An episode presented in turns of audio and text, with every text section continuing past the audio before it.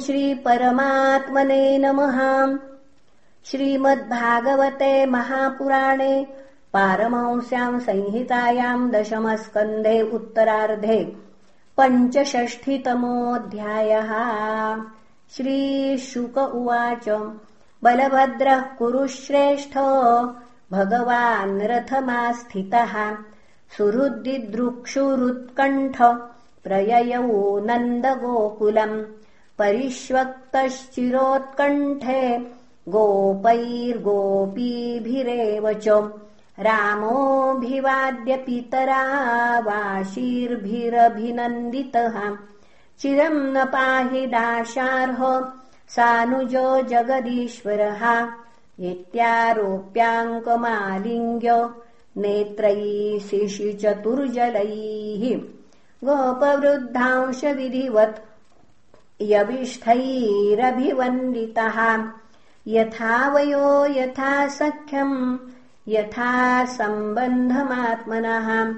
समुपेत्था पुनः समुपेत्याथ गोपालान् हास्यहस्तग्रहादिभिः विश्रान्तम् सुखमासीनम् पप्रच्छुः पर्युपागताः पृष्ठाश्चानामयम् स्वेषु प्रेम गद्गदया गिराम् कृष्णे कमलपत्राक्षे सन्न्यस्ताखिलराधसः कच्चिन्नो बान्धवा राम सर्वे कुशलमासते कच्चित्स्मरथनो रामो यूयम् दारसुतान्विताः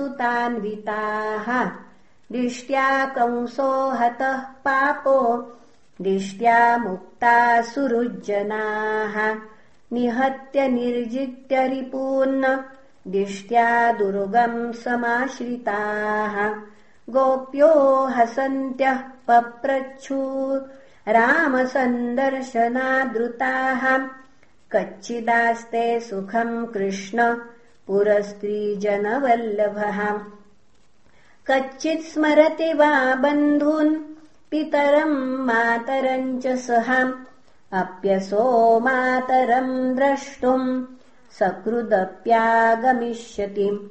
अपि वा स्मरते स्माको मनुसेवाम् महाभुजः। मातरम् पितरम् भ्रातृन् पतीन् पुत्रान् स्वसु पुनः पतीन् पुत्रान् स्वश्रूरपि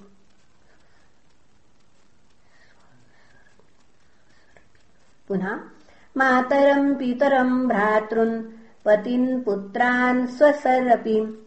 यदर्थे जहिमद्दाशार्हो दुस्तजान् स्वजनान् प्रभो।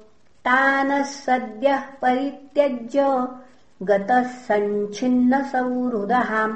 कथम् नु तादृशम् स्त्रीभिर्न श्रद्धीयेत भाषितम् कथम् नु गृह्ण्यन्त्यनवस्थितात्मनो वचः कृतघ्नस्य बुधा पुरस्त्रियः गृह्णन्ति वैचित्र कथस्य सुन्दरस्मितावलोकोच्छ्वसितः स्मरातुराः किम् नस्तत्कथया गोप्य?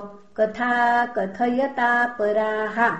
यात्यस्माभिर्विना कालो यदि तस्य तथैव नः इति प्रहसितम् शौरैर्जल्पितम् चारुवीक्षितम् गतिम् प्रेम परिष्वङ्गम् स्मरन्त्योरुरुदुस्त्रियः सङ्कर्षणस्ता कृष्णस्य सन्देशैर्हृदयङ्गमैः सान्त्वयामास भगवान् नानानुनयकोविदः।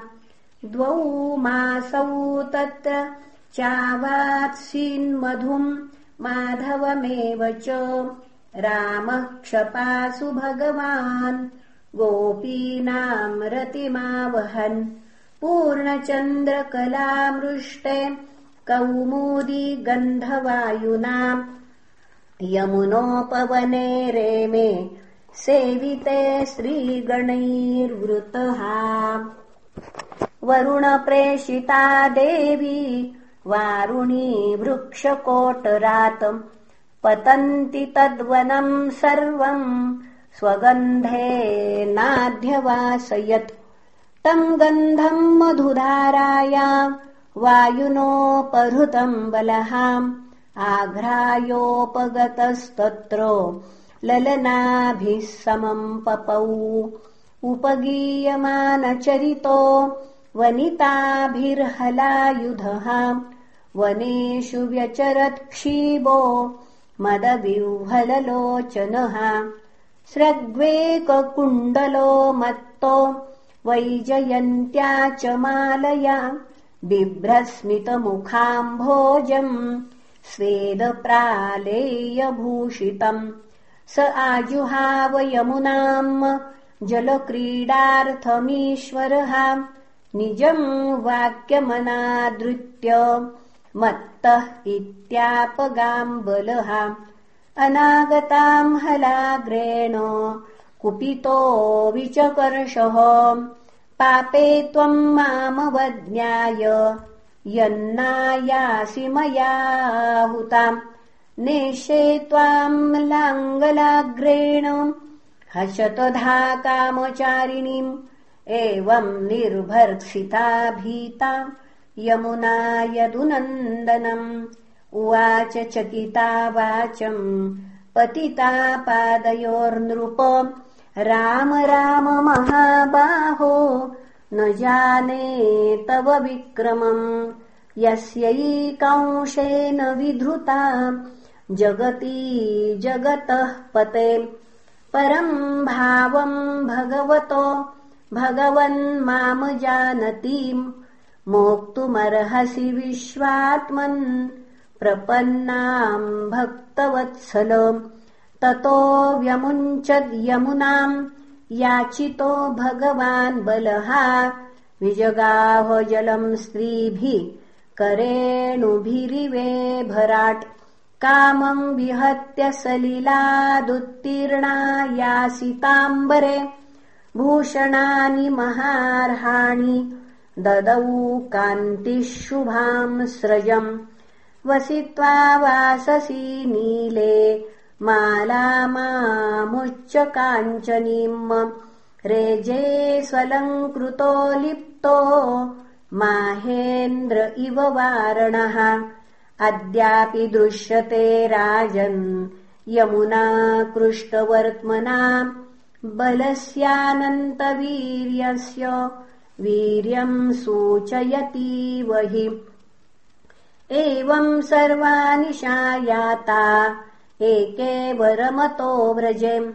रामस्याक्षिप्तचित्तस्य माधुर्यैर्व्रजयोषिताम् इति श्रीमद्भागवते महापुराणे पारमंस्याम् संहितायाम् दशमस्कन्धे उत्तरार्धे। बलदेवविजये यमुनाकर्षणम् नाम पञ्चषष्ठितमोऽध्यायः। श्रीकृष्णार्पणमस्तु। हरये नमः हरये नमः हरये नमः